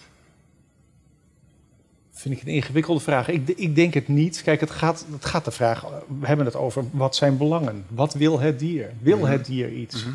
Ja, als het dier iets wil, dan kan je daar niet neutraal ten mhm. opzichte van verhouden. Dus dan is het, dan is het een beetje flauw om te zeggen, ja, dat is van een andere categorie. want dat is het argument, nou juist precies wat die slavenhouders ook gebruiken. Om, om die slaaf te onderdrukken en te zeggen, ja, die zijn nu eenmaal van een andere categorie. En dat, dat vinden we een slecht argument mhm. over het algemeen. We vinden dat bij homo's een slecht argument, we vinden dat bij vrouwen een slecht argument. Waarom vinden we dat bij dieren plotseling wel een goed argument? Mhm. Dat is niet consequent. Hè? Mhm. Dus, uh, uh, dus in die zin denk ik, ja, ik, ik zou dat niet kunnen rijmen anders. Eva, je hebt het veel gehad over zeg maar, communicatie. Van, je haalde allemaal onderzoek uit dus, uh, aan, uh, etologisch onderzoek, onderzoek van biologen, uh, naar communicatie en taal tussen dieren of uh, binnen bepaalde diersoorten. Je hebt heel veel diersoorten, de meest fantastische voorbeelden van, van communicatie. Hoe zit het eigenlijk want met de communicatie van ons met, en dan onze even menselijke dieren met uh, dieren? Erno's verhaal, uh, het verhaal over introductie van dierrecht, veronderstelt toch, zou ik zeggen, in zekere zin ook een communicatie die we dan met dieren kunnen hebben. Want we, we geven dan dieren letterlijk een stem. Dan zouden we toch ook moeten weten wat ze dan willen, zeg maar. Kun je, kun je daar ook iets over zeggen? Hoe past dat in jouw verhaal? Ja, nou ja, het idee is dus ook uh, dat we, wij niet degene zijn die dieren een stem geven, maar dat ze al een stem hebben. En mm -hmm. dat we dat moeten uh, erkennen en uh, dat we daar onze verantwoordelijkheid tegenover moeten nemen.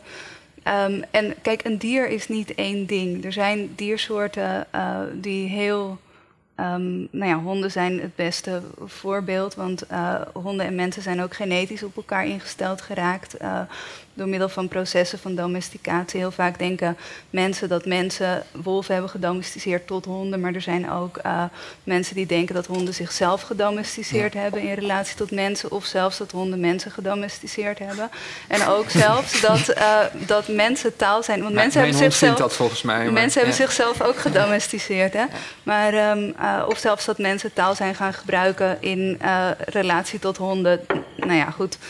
Um, maar ik denk dat zeker, en dat is ook, um, dat, dat raakt dan ook weer een beetje aan, uh, aan het werk van Charlotte, is dat um, uh, tussen bepaalde dieren en mensen bestaan heel hechte relaties en zijn ook heel hechte relaties uh, mogelijk. En um, dat is, denk ik, kijk waar Erno het over heeft, dat zijn algemene dierenrechten. En je zou daarnaast heel goed kunnen nadenken over werkrechten voor dieren. Mm -hmm. um, uh, en, en, je zou ook um, uh, ja, kunnen nadenken over hoe je um, hoe je het samenleven tussen mensen en dieren anders vorm kunt gaan geven. Wanneer je het bijvoorbeeld hebt over honden, is het nu toch heel erg zo dat honden zich moeten voegen in een mensenmaatschappij. Maar als je um, uh, honden meer vrijheid geeft om te kiezen, of nou ja, zeker in, in westerse uh, samenlevingen, honden moeten aan de riem en die worden heel erg gedrild en gedisciplineerd. Uh, maar als je honden meer keuzevrijheden geeft en de infrastructuur aanpakt en um, verkeer, ik bedoel, auto's zijn natuurlijk een probleem en nou ja, dus, dus dat, dat zijn ook dingen, bijvoorbeeld de inrichting van steden. En uh, um, dat zijn ook dingen waar we over na moeten denken als we denken over het samenleven met dieren. En hoe zich dat tot rechten verhoudt, is dan weer een volgende vraag. Maar dit, kijk, wij denken in rechten. Het is een instrument wat wij heel goed ontwikkeld hebben. En mm -hmm. daarom is het goed om, uh, om, om het, als je nadenkt over rechtvaardigheid in relaties met dieren, te kijken hoe dat van toepassing is op die relaties. Maar, maar ik bedoel niet dat ik een weg wil drijven tussen jullie, maar het is misschien voor, het, voor, het, voor, het, voor de discussie wat spannender. Maar ik had wel de indruk, als ik naar jou luisterde, dus naar jouw verhaal luisterde, dan, dan heb ik het gevoel van dat gaat over communicatie, dat gaat over uh, op elkaar afgestemd zijn, het deel zijn van hetzelfde taalspel. Is dan niet het hele verhaal van rechten toekennen, het is meer het politieke, juridische verhaal van Enno. Maakt dat niet eigenlijk dit meer subtiele verhaal van jou, maakt dat dat niet eigenlijk plat en, en, en misschien zelfs wel kapot? Is het niet veel belangrijker dat we al die mogelijkheden van communicatie en die, Charlotte ook laat zien, die we met die eerst maar eens gaan exploreren, zonder de, vo, voordat we dat meer abstracte rechtendiscours tegen, tegen aangooien. Is er, zit daar niet een conflict tussen? Hebben nou, jullie niet nee. eigenlijk een conflict? Zeg maar? Nou, de, kijk, er zijn verschillende dingen. Hè. Ten eerste moeten we alles doen, want de positie van de dieren is nu zo belabberd, zeker in de intensieve veehouderij, maar ook in andere uitingen. Dus ik denk dat we, dat we waar we dan ook um, uh, onderzoek kunnen doen en um, uh, ja, kunnen leren kijken naar dieren, kunnen anders met ze kunnen leren omgaan. Um, ook activisme en, uh, en, en rechte taal hoort daarbij. Maar los daarvan, over, zeg maar, over het theoretische verhaal, dan denk ik dat um, wanneer je nadenkt over democratie met dieren, uh, um, zijn rechten een eerste stap, omdat ze een uiting zijn van een uh, mensenmaatschappij. Maar je mag daar niet uh, ophouden, want een kernbeginsel van de democratie is niet alleen maar dat je andere toegang geeft of stem geeft, maar dat je ze um, tot, tot de bestaande instituties en praktijken. Maar ook dat je nadenkt over hoe, um, um, hoe zij de regels van het spel kunnen veranderen. En dat is wanneer je nadenkt over interactie met dieren en talen van dieren ook een hele belangrijke vraag. Hoe ziet een democratie er eigenlijk uit wanneer je dat echt in samenwerking met dieren gaat doen? En dat is na het rechtenverhaal. Mm -hmm. Maar ik denk ook dat gewoon, kijk, begrippen die we hebben, die hebben we. En dat zijn hele mooie instrumenten om na te denken over rechtvaardigheid, samenleven enzovoort. Dus daarom, ik zou niet van die rechten af willen. Het lijkt me echt zonde en onhandig ook. Mm -hmm. En, en andersom, dus voor jou de vraag van... is het niet voordat we inderdaad rechten gaan toekennen aan, aan dieren... En, en dan zeg je ook nog dat kan gedifferentieerd. Hè? Dus uh, uh, ja, zelfs ben ik bijvoorbeeld heel erg tegen de rechten toekennen aan muggen. Ik heb een grote hekel aan, aan muggen, dus die zou ik niet willen maar andere dieren wel. Dat is een beetje flauw gezegd. Maar, maar die differentie wil, wil, je, wil je aanbrengen. Is het dan niet veel belangrijker dat we eerst nog ehm, als het ware dat veel meer leren kennen. En dat we het gedrag leren kennen, dat we de taal leren kennen, dat we, uh, dat we ook de gemeenschappelijke interactie leren kennen voordat we dat dan gaan doen. Is dat niet in, in, in de tijd, is jouw pleidooi, komt dat niet veel te vroeg, zeg maar? Nou, je moet allebei doen, denk ik. En je hebt een punt, we weten nog niet alles. Um, daarom ben ik ook geneigd om in eerste instantie dieren alle rechten te geven en de beslissing om ze bepaalde rechten te ontnemen, om dat op papier te zetten. Zodat als een nieuw wetenschappelijk onderzoek komt, wat aantoont dat die beslissing onterecht is, dat je die ook weer terug kan draaien. Um, dat, dat, dat de rationale daar, daaronder onder de uitsluiting duidelijk wordt. Dat, mhm. dat zou eigenlijk mijn, uh, mijn pleidooi zijn.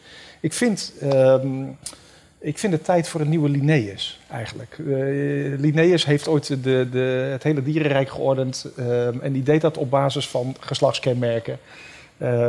dat is een tamelijk triviale eigenschap. Maar je zou best een hele ordening van het dierenrijk kunnen maken op basis van de belangen die in het geding zijn. Mhm.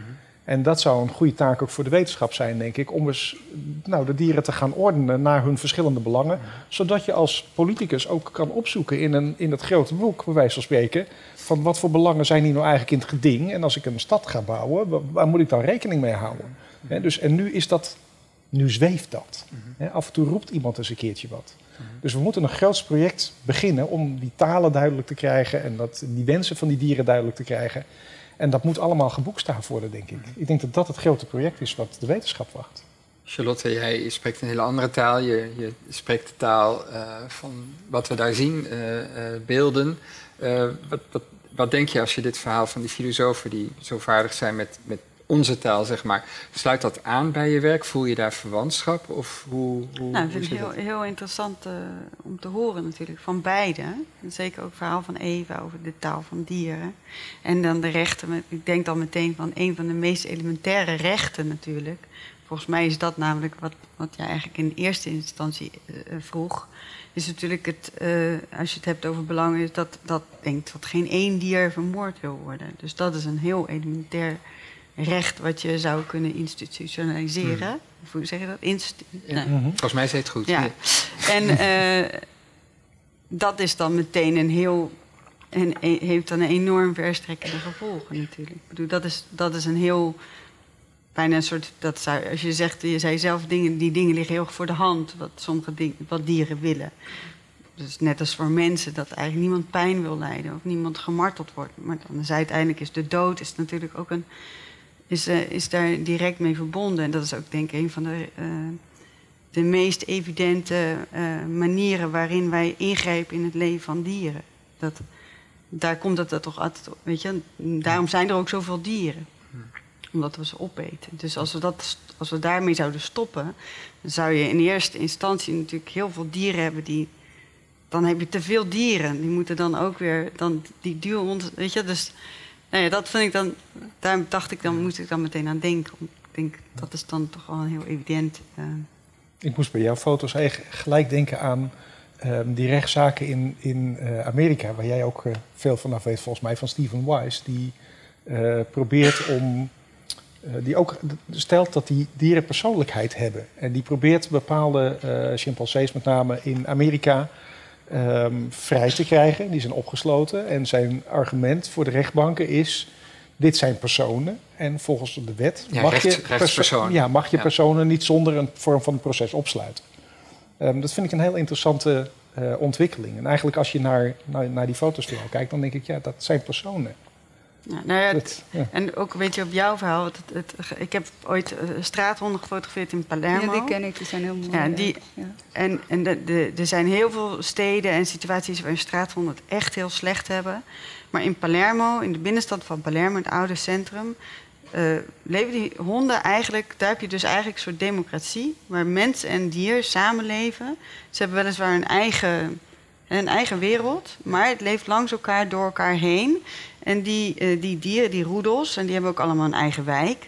En die komen ook niet in elkaars wijk. Nee. Ik bedoel, is... En ik ben een keer achtervolgd door een hele roedel honden. Dat, dat hebben ze dan op een gegeven moment. Ze negeren je heel de tijd. En op een gegeven moment denken ze van... Nou, nu gaan we je wel opmerken. En dan besluit de alfa van... Nou, dan gaan, nu gaan we eens achter jou aanlopen. En dan merk je dus als je op een gegeven moment dacht, vond ik best intimiderend worden. Die hele kudde honden achter me aan, een soort rattenvanger. En toen nam ik op een gegeven moment een andere weg. En opeens was ik ze kwijt. Ik denk, hoe kan dat? Maar dat kwam gewoon omdat ik een ander territorium in was gelopen van andere roedel. Weet je? Dus, en het mooie van die dieren, want ik heb daar dan een boekje van gemaakt en heel veel mensen hebben hetzelfde. Er komt heel snel de connotatie op dat het dan heel zielig is. Die leven op de straat en daar moeten wij voor zorgen. Maar die, dat hoeft dus helemaal niet. Want die, en het grappige is, die, die mensen die met hun samenleven, die zorgen ergens dan toch weer wel voor hen. Want mhm. aan het einde van de dag, als de markt dan weer voorbij is, dan worden alle bordjes op de grond gegooid en de dozen worden weer schuin gezet. En dan slapen die honden daar weer in. Dus het is een soort van op een hele organische manier leven, zijn daar twee werelden komen samen. En die mensen en dieren, en ze maken ook ruzie met elkaar. En dat is ook weet je, een van mijn uh, inspiratiebronnen. Uh, zoals Isaac Babel, die dan schrijft over zijn ontberingen in de, de Russische Sovjetoorlog. Te paard, terwijl hij nog nooit op een paard had gezeten. En toen moest hij opeens op, in, in, in de, met, de, met de brede leger naar het front. En dat hij dus ook beschrijft hoe mens en dier dus samen lijden. En dat is ook iets wat, wat niet meer bestaat. Dus we, we zijn gewend om of dieren te beschermen, inderdaad, of misschien zelfs te betuttelen, omdat de capaciteit van dieren niet meer volledig uh, uh, begrijpen of verstaan. En aan de andere kant zijn we gewend om ze te gebruiken en te consumeren. Maar dat, dat hele spectrum, dat je bijvoorbeeld samen emotie met dieren kunt ervaren die niet per se leuk is. Maar dat je ook mhm. samen ellende mee kunt maken. Mhm. En dat daardoor bijvoorbeeld de ellende draaglijker wordt. Omdat je het kunt delen met iemand anders die niet, van ja, niet je eigen soort is. Dat is iets wat, wat nu eigenlijk ontbreekt. En dat heeft volgens mij verstrekkende gevolgen. Ja, ik ook. Voor opvoeding bijvoorbeeld ook. ook voor kinderen, met name in de opvoeding van kinderen nu. Zeker. Het is denk ik tijd om ehm, naar, de, naar jullie te gaan. Vragen jullie. Dus zoals gezegd, uh, ik zie al heel veel. Volgens mij was u het eerste. Nee, u krijgt nu de microfoon, ja. Ook goed. Uh, ja, ik vond, ik vond die film erg fascinerend. En die ging eigenlijk gelijk over het thema van... Ik had het helemaal niet verwacht. Want ik dacht, wat gebeurt er nou als ik naar die film kijk? Maar ik vond het verrassend dat ik dacht... Uh, uh, waarom legt dat paard zijn kop niet neer eigenlijk als hij moe is? Maar ik dacht, ja, uh, het is gewoon een heel ander lichaam, zo'n paard. Dus die... Ik ga gelijk met mijn hoofd op kussen liggen, maar dat paard niet. En toen, toen ging ik nadenken hoe dat verschil nou eigenlijk was. Dat dat zo groot was tussen mij en, en een paard. Want ik ben ook niet zo vertrouwd met paarden. Ook niet zo mee opgevoed. En... toen... Uh, Kunt u misschien een vraag proberen te stellen? Ja, want ik dacht dat ik moet eindigen met een vraagteken. Nou, die had al gesteld moeten nou, worden. laat, ik even, laat ik het dan even kort doorgaan over waar ik vervolgens over dacht. Want dat, dat was meneer Eskes die zei dat er veel trucs zijn van ons... om te vermijden dat we iets met dat verschil gaan doen. Of met die rechten van een dier als mens. Want een dier kan niet praten, dus wij gaan dan praten over die rechten. Maar er zijn een heleboel trucs, zei u... Uh, om dat te vermijden, om iets van die dierenrechten tot stand te brengen. Toen dacht ik, u weet er waarschijnlijk heel veel van. Zou u niet iets meer kunnen uh, schrijven of zo, of duidelijk maken de trucs die wij ge gebruiken om te vermijden dat we er echt iets mee gaan ja, doen. En er noemde en dat was de vraag. Dat is een vraag. Nou, ja, ja, vraag. Heel fijn. We, we hebben um, een, een, lange traditie van de, de mens als uniek beschrijven. Um, en wij zouden uniek zijn omdat wij um, uh, uh, kunnen lachen, omdat wij kunnen koken, uh, omdat wij kunnen feinzen, omdat wij taal beheersen, omdat wij zelfreflectief zouden zijn. Um, dus er zijn allerlei eigenschappen die op zich ook nog niet eens allemaal even gek zijn. Uh, waardoor wij onszelf van andere dieren onderscheiden. En de truc is door dat je zegt wij zijn anders en dus beter. En dat is een truc, dat laatste. En dus beter. dus uh, uh, um, en, maar toch is dat wat we continu doen. Dus we, en al die dingen die je nu noemde, die worden ook steeds aangetoond bij andere dieren. Dus Precies, dat is, is ook dan... empirisch... Uh... Ja, dit is gewoon wetenschappelijk onderzoek dat keer op keer al die uh, thema's ja. zeg maar minder uniek maakt. Ja. ja. De, daar... Ja? Um, u heeft het gehad over uh, Graag in de microfoon. Niet, niet, niet vrije mannen, slaven, vrouwen, ehm, homo's, kinderen heeft u het niet over gehad. Al die groepen hebben iets gemeenschappelijks. Die hebben initiatieven genomen. Welke initiatieven hebben dieren genomen? Nou, ik vind het een hele goede vraag. Ehm, en ik moet er helemaal niet om lachen. Ik vind, het, ik vind het namelijk een echt een goede vraag. En het antwoord is, die dieren nemen iedere dag een initiatief. Namelijk door te gillen, door weg te hollen, door ergens naartoe te willen. Alleen wij hebben het nooit als een initiatief willen zien. We hebben altijd gedacht dat die dieren geen stem hebben. En dat die dieren dus in die zin wilsonbekwaam zouden zijn. Dat is ook een trucje. Door te zeggen dieren zijn wilsonbekwaam. Dieren zijn helemaal niet wilsonbekwaam. Dieren laten heel duidelijk zien waar een wil zit. Wij moeten alleen een keertje leren kijken en luisteren. En er is ook een uh, Amerikaanse historicus, Jason Rebel, die heeft uh, een boek geschreven over daden van verzet en geweld van dieren. En daarin beschrijft hij um, ja, heel veel dieren in circussen, in dierentuinen. Um, en in ander, hij, schrijft ook over werkdieren die zich verzetten en die daarmee ook de industriële revolutie bespoedigd hebben. Maar over die daden van verzet, dus aan de ene kant. Um, Um, zijn die er. En, uh, maar tegelijkertijd worden die bijvoorbeeld door SeaWorld en uh, alle andere um, uh, plekken waar dieren um, ja, gebruikt worden, aan het werk gezet worden, uit de pers gehouden. Dus het is ook beeldvorming. dus dat is ook zo'n zo'n truc van we, we, ja, we besteden er geen aandacht aan, we doen net alsof het er niet is. En dan is het er niet, maar het is er dus wel.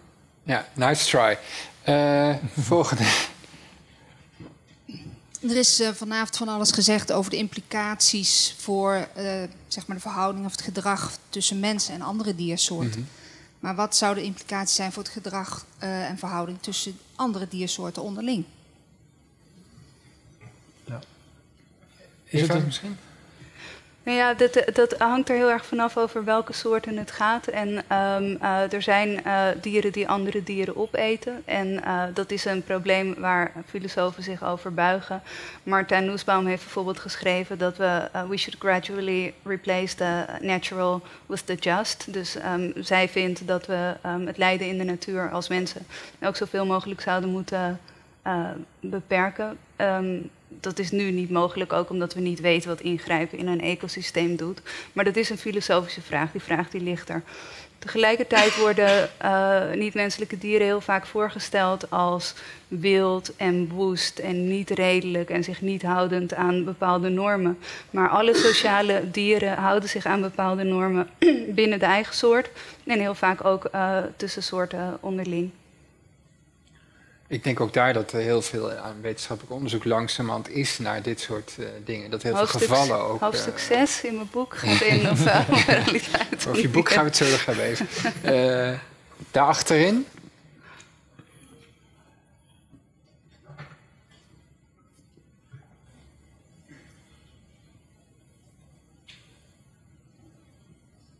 Ja. Ja, ik, ik had de vraag nou, we, spreken vaak nu over het leren van kennen van dieren. Maar wat zou de beste manier zijn om te kunnen begrijpen wat, wat dieren willen en wat, wat ze precies zeggen? Is daar een, speciale manier voor om dat te kunnen leren misschien? Nou ja, opgroeien met dieren en samenleven met dieren helpt heel erg. Met ze omgaan en naar ze kijken en naar ze luisteren. En... Uh, ik, ik, ik, woon nu samen met een uh, Roemeense ex-straathond en, uh, en een kat. En um, ja, dat is, wij leren, ja, we zijn daar de hele dag mee bezig eigenlijk met z'n drieën. ik heb zelf twee katten. ja, precies. Dus, ja. Nou ja, dan weet je toch ook heel vaak wat ze bedoelen. En, uh... nou, het is ook heel vaak dat als, als je kleine kinderen met dieren zet... dat die eigenlijk, die zitten instinctief nog heel erg in hetzelfde gebied. Die spreken eigenlijk wel met elkaar. Dus die, die hebben. Uh, uh, ik heb zeg, mijn, eigen dochtertje, toen ze anderhalf was of zo, ik loop met haar door, door het Vondelpark. Zij, zij heeft een natuurlijke reactie bij honden waar, ze, waar ze niet. Ehm, waar ze van weg wil, wilde blijven, bijvoorbeeld. En van honden waar ze wel naartoe wil. En ik vroeg, dat viel mij echt op, dat ik dacht van, is dat, hoe kan dat, weet je? Maar dat is gewoon uh, aanvoelen. Het voelt lezen. gewoon. Aan, ja. Ik denk dat uiteindelijk natuurlijk ook over het intellect. In hoe, hoe, ver, hoe ouder we worden en hoe meer we ons ontwikkelen in ons leven, dan gaan we daar steeds meer op vertrouwen. En dan valt eigenlijk die intuïtie steeds meer naar weg en het instinct. Maar ik denk dat dat al een hele belangrijke uh, uh, pijler is om te begrijpen wat dieren willen. Ik denk dat we uiteindelijk misschien wel veel makkelijker dat kunnen begrijpen dan, dan we denken. Dat we daar helemaal niet zo heel erg over hoeven na te denken. Ja, dus het antwoord is eigenlijk, dat doen we eigenlijk al de hele tijd. Dus, uh, Ja, en andere dieren proberen ook heel erg dingen tegen ons te zeggen. Want dat is als je erop gaat letten, dan zie je ook uh, veel meer hoe zij dat proberen. Ja. Ja, alleen moeten we dat dus inderdaad wel begrijpen. Dat was de vraag. Hè? Dus ze moeten, ah, en ze moeten er zijn. Kunnen, ze moeten, je moet er zijn. Als ze er niet zijn, dan... Ja. En misschien zijn er ook wel dieren die heel erg klein zijn of heel lastig voor ons te lezen. En in zo'n context kun je je voorstellen dat er experts zijn die onderzoek hebben gedaan naar dieren en die daar dan iets over kunnen zeggen. Ja, zeker. Um, er was, ja, daar rechts. En dan daar.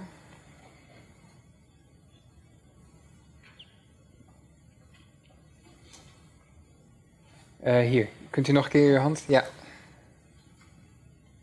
Um, uh, Charlotte uh, Dumas die gebruikt het woord jaloezie. dat we misschien ook wel een beetje jaloers zijn op dieren. Um, is dat niet, is, ligt dat, wijst dat niet op, een, op, de, op de gewenste kloof tussen mensen en dieren? Mhm. Omdat mensen het mens zijn zo moeilijk vinden. Dus het is een enorme uitdaging. Wij hebben de lat enorm hoog gelegd. Mhm. En zijn we dus niet bang voor het dierlijke in ons? Ja, en ook als je jaloers bent, dan ben je op jaloers wat een ander heeft en jij niet. Hè? Dus in zekere zin maak je daarmee het verschil toch wel duidelijker. Ja, nou ja, dat, het bewustzijn zoals wij dat hebben, niet dat dieren geen bewustzijn hebben, maar zoals wij dat ervaren, is natuurlijk ook een, een burden die wij wel hebben en dieren niet. En dus wij zijn heel de tijd, wij kunnen ook al is er nu geen dreiging, kunnen we toch bang zijn voor van alles. Omdat we dingen weten die hier nu niet aanwezig zijn. En een dier zal zichzelf in een situatie van dreiging, uh, zullen die systemen in werking gaan. Maar als die er niet zijn, heeft hij daar geen last van. Dus dat is natuurlijk, ja, als ik gewoon puur vanuit mezelf spreek, ben ik daar wel een beetje jaloers op. Ja.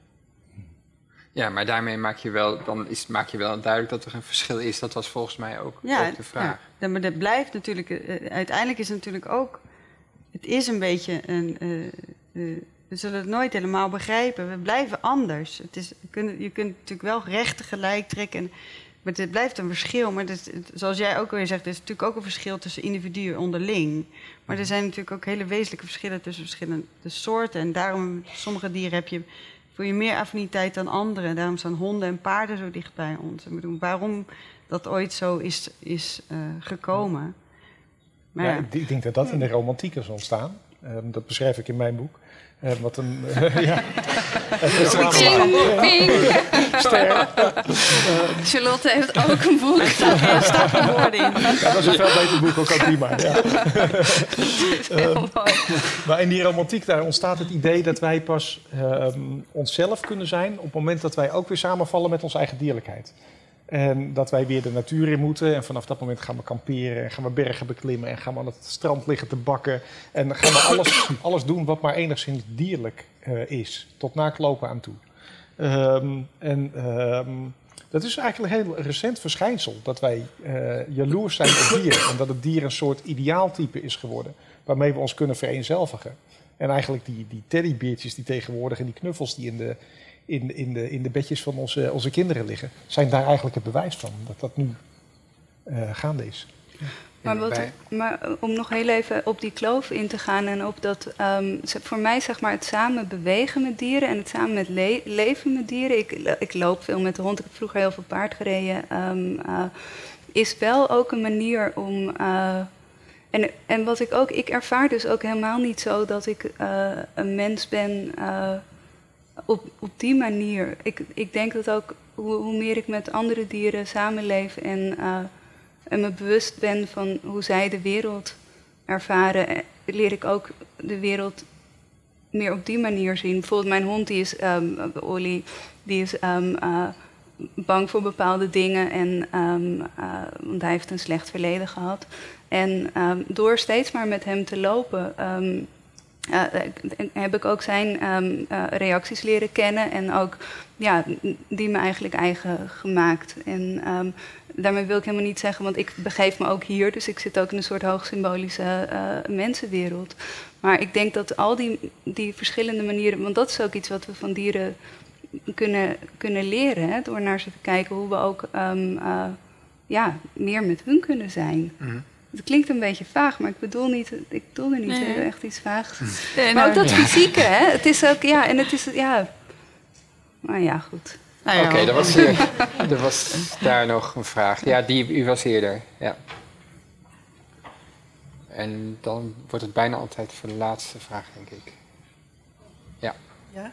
Uh, nou, we hebben vandaag natuurlijk veel gesproken over taal van het denken. En, en ik heb minder gehoord over het non-verbale taal. En ik ben met name bij Charlotte heel benieuwd. Uh, als je contact hebt gemaakt met uh, de, de, paarden van Arlington en later met de paarden in Zweden, uh, heb, heb je hun taal verstaan? -hmm. Want ik zie een duidelijk verschil tussen de paarden van Arlington, die, die een andere baan hebben, ja. dan de paarden in Zweden. Ja. Ja. Nou ja, de paarden in Arlington zijn natuurlijk ook in, zij zijn in hun eigen ruimte in rust. Hè? En de paarden in Zweden zijn aan het werk. Dus die zie je in het begin en het einde. Dan helemaal aan het einde zie je het paard rollen. En dan, zie, hè, dan is die weer thuis. En het werk is gedaan. Maar, dus dat is ook een groot verschil. Dus er is natuurlijk een andere interactie met die paarden in Zweden. Omdat die zitten ook letterlijk in een, in hun harnas. Hè, in hun, hoe noem in, de, ja. in hun een teugel. Uh, dus die kunnen nergens naartoe. En de paarden in Arlington nou, die zaten natuurlijk wel in een stal, dus ze konden eigenlijk ook nergens naartoe. Maar het feit dat ze gingen liggen, dat, was, dat, dat besloten zij zelf. En of ik daar dan, uh, of ik dat daar, daarbij kon zijn, of, of ze, hè, ze moesten zich in ieder geval op hun gemak voelen. Anders waren ze niet gaan liggen in mijn bijzijn. En natuurlijk zijn het paarden die wel wat gewend zijn, want er worden ook altijd van die geweerschoten gelost ja. en zo. Dus het zijn wel koelbloedige paarden. En uh, uiteindelijk ja, ben je daar gewoon zo vaak. Dus ik, ja, het klinkt een beetje gek ik zal, ik, om te zeggen van ja, ik versta hun. Dat, dat zou ik niet zo snel zeggen. Maar het is, het is wel meer wat ik dacht, ik voel wel dat zij mij accepteren als soort behang op een gegeven moment. Dat, nou, die is er gewoon. En, dat zich bewust zijn van mijn aanwezigheid. En dat is natuurlijk een. Uh, dat, voelt, dat voelt als intimiteit op dat moment. Dat, uh, zonder dat daar letterlijk taal aan, aan, aan te pas komt. Maar gewoon meer inderdaad, een, dat is een heel lichamelijke taal. Het kwam al eerder voorbij ook over, eh, weet je, dat als dieren zich op, niet op hun gemak voelen, dan, dan gaan ze gewoon weg, bijvoorbeeld. En um, met, je kunt bij dieren heel snel merken of ze, of ze zich, uh, of je te dichtbij komt. Hè. Ik heb ook wel eens mijn... Uh, dat heb ik ook wel eens meegemaakt. Dat ik in mijn enthousiasme te dichtbij kwam. En dat hebben we wilde paarden of zo. Dan, kun je, dan, dan moet je dan weer. Dan gelden weer andere afstanden of zo. Dus het is ook binnen een soort. Uh, hangt het heel erg van de context af. Uh, wat, wat de afstand is. Hè? Dat, dat is bij mij altijd. Hoe dichtbij mag ik komen? Wat, waar, tot waar reikt de intimiteit? Ja. Ik weet niet Prachtig. of dat helemaal antwoord ja. was. Nee, maar... volgens mij was het een heel goed antwoord, toch? Ja. uh, we moeten stoppen. Ik was benieuwd of ze praten met je. Ja. Dat is, ja. Of ik het paard begreep. Ja, ik, we moeten stoppen, sorry. Ik wil zo. Uh, dat, dat komt, uh, denk ik, hier, hierna. Want, um, zoals gezegd, we hadden het al over de, de boeken. Er is een boekentafel waar verschillende publicaties van de sprekers hier liggen. Even heel uh, even speciaal aandacht. Even, volgens mij had je je eigen boek nog niet eens gezien. Nee, ik zag het vandaag uh, voor het eerst. En er is de uitgever ervan. Het is ook allemaal een klein beetje... Gezellig. Uh, het is uitgegeven door IS, ISVW. Um, dus ik zou zeggen, geniet er zelf van om het te zien. Maar u ook. ik denk dat jullie mogen vragen om, om een handtekening. beslis ik maar even voor jullie. daar, daarboven. Uh, jullie zeer bedankt uh, voor jullie uh, bijdrage en voor jullie gesprek. Dank jullie wel. Jullie bedankt. Dank jullie. U ook bedankt. En namens de Ondersacademie, Radboud Universiteit Nijmegen en Radboud Reflex, dank jullie wel voor je aanwezigheid en je vragen. En tot de volgende keer.